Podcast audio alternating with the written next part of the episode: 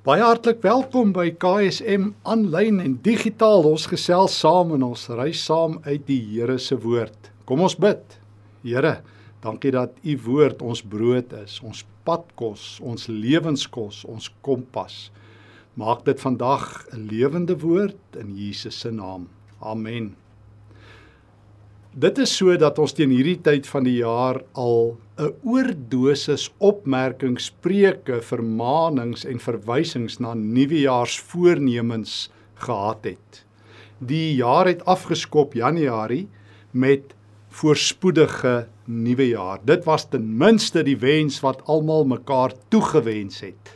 En nou is die jaar ook al 'n paar weke onderweg en dit lyk maar vir 'n klomp mense asof dit S O S O is. Same old, same old. 2022 het verwissel na 2023 toe. Maar dit lyk nou nie eintlik of dit vir baie mense so 'n voorspoedige nuwe jaar is nie. Op die terrein van kragvoorsiening, kom ons gaan nie daarna toe nie en so voorts, gaan dit maar vir mense swaar. Maar nou is die vraag tussen jou en my. En jy weet ook, uh soos wat ons dikwels hoor dat nuwejaarsvoornemens nie lank hou nie. Studies wys en kom ek verwys sommer nou na 'n soliede studie wat SunDried in Amerika gedoen het onder 4000 Amerikaners. Het hulle letterlik bevind nuwejaarsvoornemens, nuwejaarsbesluite hou nie langer nie as 3 weke. En hulle het so 'n tiental redes hoekom dit gebeur. Onder andere mense se nuwejaarsvoornemens is te vaag of mense is nie uh, committed genoeg nie of dit kos hulle te duur of dit is te wollerig dis sommer maar net 'n paar besluite. En vir meeste mense is nuwejaarsvoornemens in elk geval maar om bietjie weer die middellyf te krimp om bietjie minder te eet en meer fiks te wees. En groepsdruk maak dat ons maar weer terugval in die rotte reusies en saam met die res dryf in die stroom teen Februarie. 'n Ander studie wat my een keer opgeval het egter, was die van 'n Harvard professor. Daar in die 1950s het hy vir sy studente in die klas gesê: "Skryf 'n uh, uh, al julle besluite neem neer vir hoe julle julle lewe wil leef." Met ander woorde, maak 'n lysie, 'n paar commitments vir hoe julle julle lewe wil leef. En 20 jaar later het hy weer kontak gemaak met 'n klomp van daai studente. En hy het agtergekom net 3% het vaste besluite oor hulle lewe helder en duidelik neergeskryf en dit konsekwent gevolg. Hy het toe so 'n bietjie verder gaan studie doen en agtergekom hierdie 3% studente wat helder en duidelike voornemens het en wat dit getrou uitvoer, gemotiveerd is om dit te doen meer suksesvol was as die 97% studente tesame wat dit nie gedoen het nie. So, wil jy ook deel wees van die 3% suksesvolle mense wat hulle lewens se drome vlerke gee. Wat nie net dagdromers is nie, maar bouers van hulle drome in die dag. Dan wil ek saam met jou by drie dinge stil staan uit die Here se woord wat ons die res van die jaar, die res van die paar maande wat nog voor lê 11 of so wat ons konsekwent kan deurvolg. Drie dinge. Nou drie dinge is nie te moeilik vir ons om te onthou nie. Ek onthou nie in 1950s was daar ook 'n studie wat gesê het ons brein, ons denkende brein kan 2 tot 3 stukkies inligting per slag prosesseer. Die res is nie onderbewussyn. So, drie belangrike beginsels. En die eerste 2 het te doen met dit wat die Bybel sê dag en nag moet gebeur. Die hele Bybel en ek het gaan kyk daar is ten minste 17 tekste in die Ou en Nuwe Testament beklemtoon twee dinge wat jy dag en nag moet doen. Ek lees byvoorbeeld in Nehemia hoofstuk 1 dat wanneer hy vir sy volk begin bid, dan staan daar dag en nag het hy die Here aangeroep. Ek lees in 1 Konings 8 dat Salomo wanneer daar na die tempel en so aan verwys word, vir die Here vra dat hy dag en nag sal luister na die gebede van Israel. Ek lees in Jesaja 62 byvoorbeeld hierdie mooi woorde in vers 8, bekende woorde. Die Here het um, 'n eed afgelê. Ehm um, ekskuus, ehm um, dis vers 6. Ek het wagte op jou mure gesit Jerusalem. Hulle sal dag en nag roep. Julle wat die Here aan sy beloftes moet herinner, julle moenie stil bly nie, dag en nag. So Paulus skrywe vir um, die gemeente in Tessalonika ook hierdie hierdie aangrypende woorde in 1 Tessalonisense 5 vers uh, 18 sê hy bid sonder ophou bedoelende dag en nag. En net in 1 Timoteus 3 vanaf vers 6 vertel Paulus dat hy nag en dag gebid het vir um, sy gemeente vir Timoteus hulle. So hier's die eerste ding van die drie dinge wat ons wil leer vir mekaar om 'n suksesvolle, geseënde nuwe jaar te hê, moet ons dag en nag bid. Dag en nag. Ek het ehm um, nog nog altyd gesukkel met gebed. Ek moet bely. Ek het al baie keer gesê ek is goed daarmee om myself aan die slaap te bid, om myself verveeld te bid, om my gedagtes te laat loop, om woorde te sê wat ek nie van harte bedoel nie. Totdat ek op 'n dag agtergekom het wat Jesus leer oor gebed en dit het my gebedslewe geweldig gehelp wanneer die disippels by Jesus kom in Lukas 11 of in die Matteus 6 weergawe, uh, dan vra hulle vir hom in Lukas 11, Here, hoe moet ons bid? En dan antwoord Jesus, so moet julle bid. Ons Vader wat in die hemel is, laat U naam geheilig word. Laat U koninkryk kom. Laat U wil geskied in die hemel en op aarde. Gee ons vandag ons daaglikse brood en vergewe die wat teen ons oortree het. En lei ons nie in versoeking nie, maar verlos ons van die bose en dan ook die lofroep want aan U behoort die koninkryk krag eer heerlikheid vir ewig. Amen. Maar daar sê Jesus so moet julle bid. Gee ons vandag ons daaglikse brood. So Jesus veronderstel jy moet elke dag die ons Vader bid. Want jy kan net vir daaglikse brood vra as jy daagliks daai gebed bid. So daar het ek toe die sleutel. Jesus leer my wanneer ek nie weet hoe om te bid nie. Bid elke dag bid elke dag die ons Vader. Bid dit elke dag uit jou hart uit en met oorgawe. En daar het ek my eerste vaste anker in my lewe vir 2023. Ek wil graag deel wees van die 3% mense wat helder doelwitte het, wat hulle lewe fokus op die Here. En vir my is die heel eerste belangrike dryfveer om elke dag te bid, om elke dag die ons Vader te bid, om dit gereeld te bid, 'n paar keer te bid, om wanneer ek op straat is te bid, wanneer ek in my motor is te bid, wanneer ek skottelgoed was te bid, wanneer ek in my tuin werk te bid, wanneer ek in die kerk is te bid, wanneer ek op my knieë is te bid. O, ek wil die heeltyd 'n oop kanaal hê tussen my en God. Ek wil God dag en nag uh aanroep. Dit beteken nie ek moet my werk bedank en die heeltyd net bid nie. Dit sal wonderlik wees as ons kan. Dit beteken ek wil 'n lewe leef wat deurdrenk is met gebed.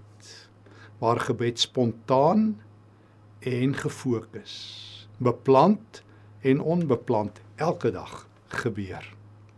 So hier's my eerste vaste voorneme van 2023 af en verder. Ek bid elke dag en nag. Ek wil in Nehemia wees wat dag en nag die Here aanroep. Ek wil doen wat Salomo gesê het, dag en nag die Here se aangesig soek, 1 Konings 8. Ek wil doen wat Paulus ons beveel om te doen, bid sonder ophou. Hier's die eerste belangrike ding. Bid dag en nag. Tweedens, tweede belangrike ding wat die Bybel sê, dag en nag moet gebeur. Kom ek lees dit saam met jou Psalm 1.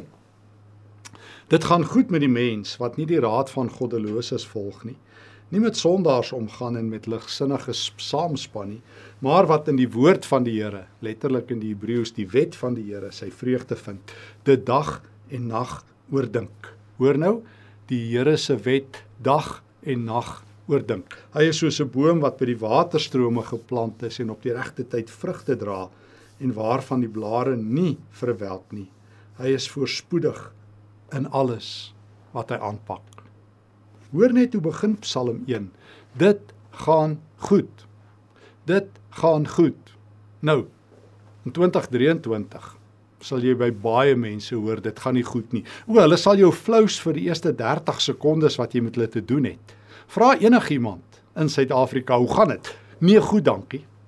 Hulle sê nooit ja, goed, dankie nie. Dis altyd vir my die snaakste. Mense sê altyd nee, goed, dankie. So onthou in die toekoms sê ten minste daarom ja, goed, dankie. Want dit klink vir my net verkeerd as jy sê nee, goed, dankie. Ek het nie verskil nie. Ek het net gevra, so jy hoef nie vir my nee te sê nie. Sê sommer ja, goed, dankie. Ander storie. In elk geval wag 30 sekondes, dan hoor jy die waarheid. Dit gaan nie so goed nie. Dan hoor jy allerlei belydenisse oor alles wat verkeerd is, stikkend is, uitmekaar val, klaar is ensovoorts ensovoorts. Maar weet jy wat? Die Here sê dit gaan goed met daardie mens, sê die Here wat sy wet dag en nag oordink. Die Here sê dieselfde vir Joshua in Joshua 1 as hy hom roep om by Moses oor te neem in Josua 1 vers 6. Luister Josua, vat my woord, my wet, oordink dit dag en nag. En jy sal voorspoedig wees. Jy sal slaag.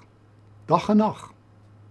So dis nie so ingewikkeld nie. Hierdie is 'n briljante voorneme vir die res van my lewe en van jou lewe. Bid dag en nag, nê? Nee?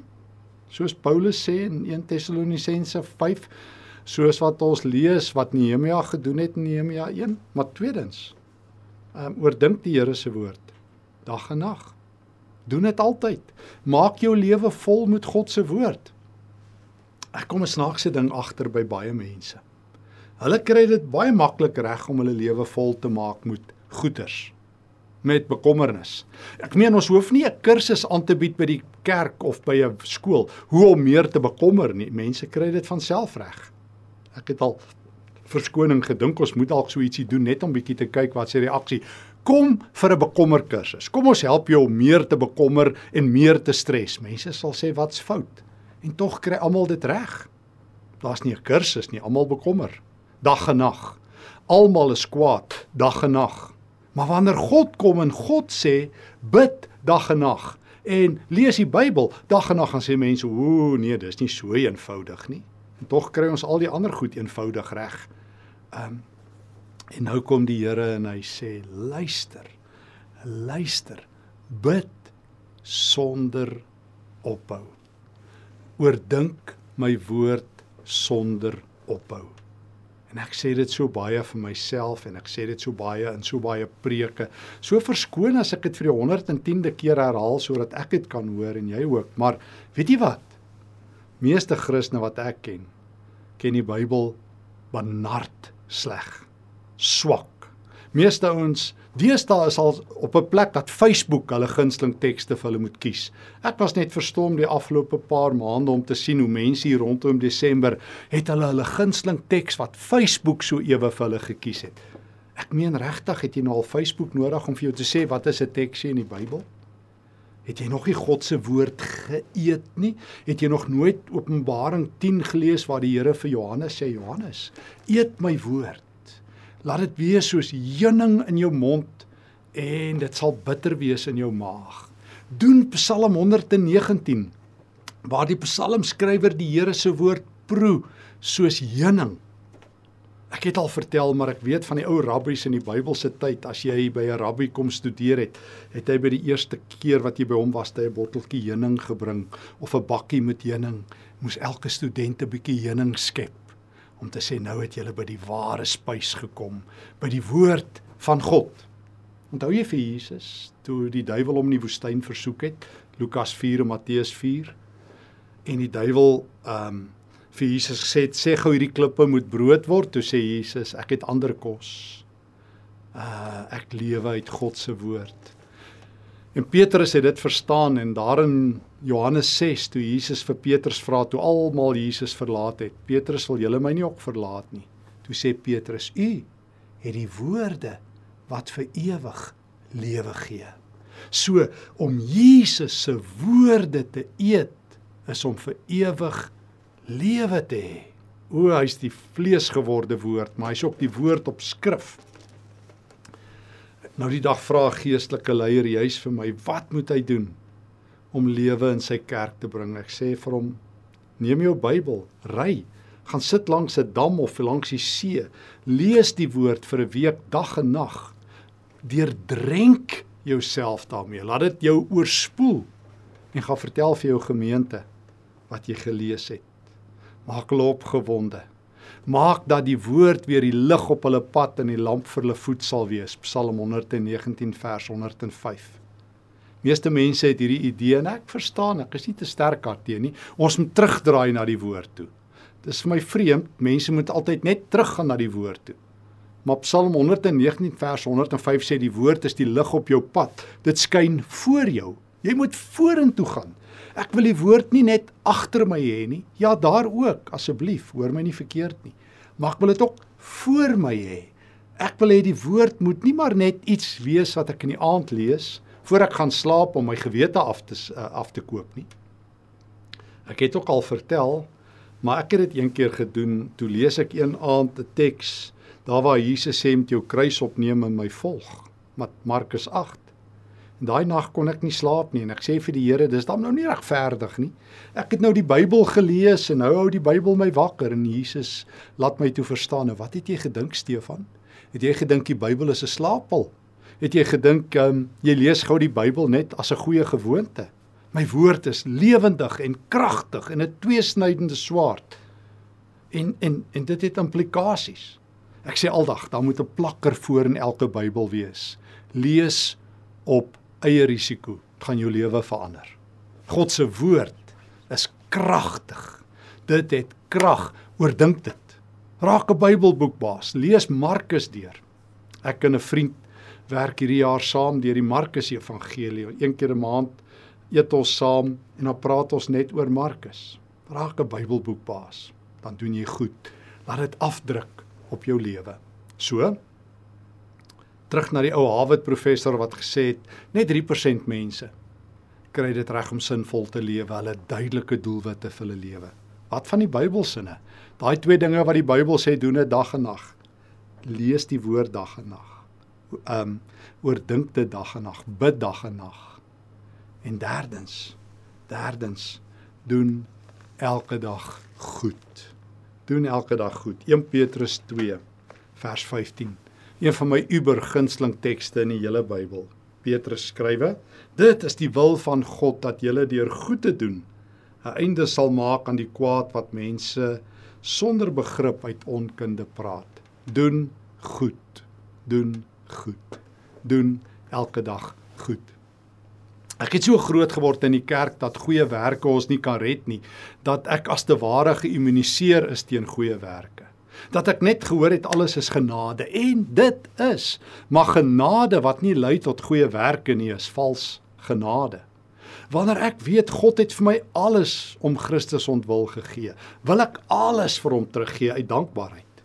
Wanneer ek weet God het my gered toe ek onredbaar was, kom soek toe ek onsoekbaar was, lewend gemaak toe ek dood was, um hoop gegee toe ek hooploos was, lig in my lewe laat skyn toe ek in die donker was en ek verstaan wat dit beteken. Dan kan ek nie anders nie as om oor en oor Kolossense 3 vers 17 te doen. Dan wil ek God in woord en in daad dankie sê vir alles. Maar dan wil ek ook ander mense seën. Dan wil ek elke dag dat God se goedheid sigbaar word.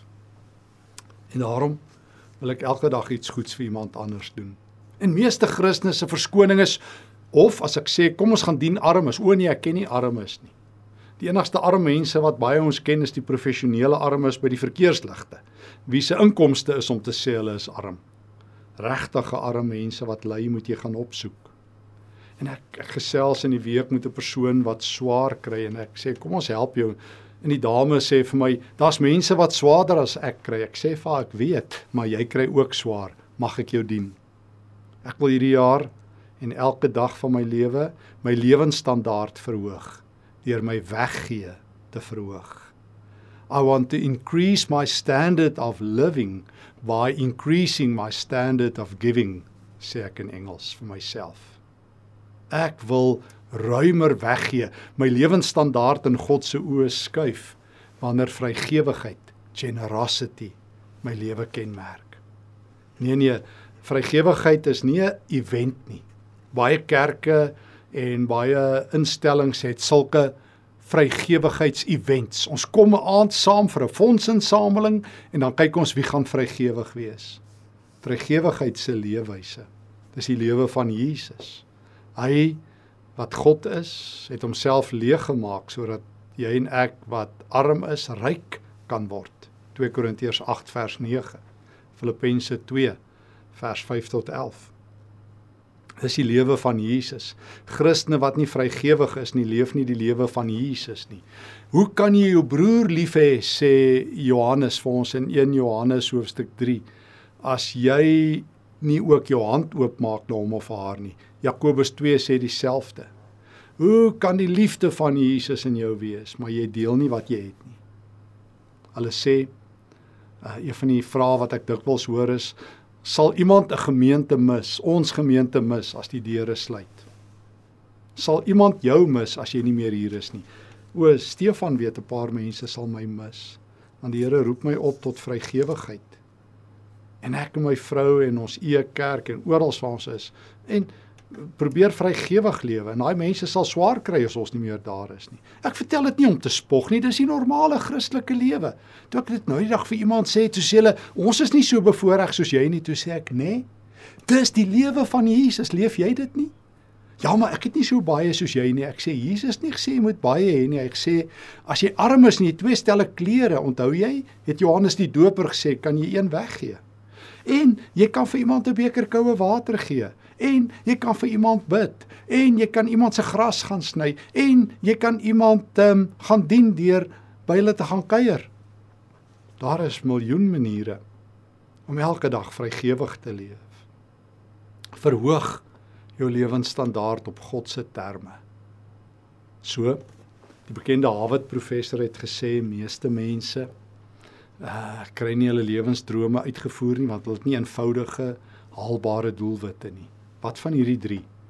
Oordink die woord dag en nag, bid dag en nag en doen elke dag goed. Al drie is in die hart van die Bybel. Doen dit en jy sal 'n geseënde wees. Soek eers die koninkryk van God en alles sal vir jou bygevoeg word. Hoor die Here se woord. Amen.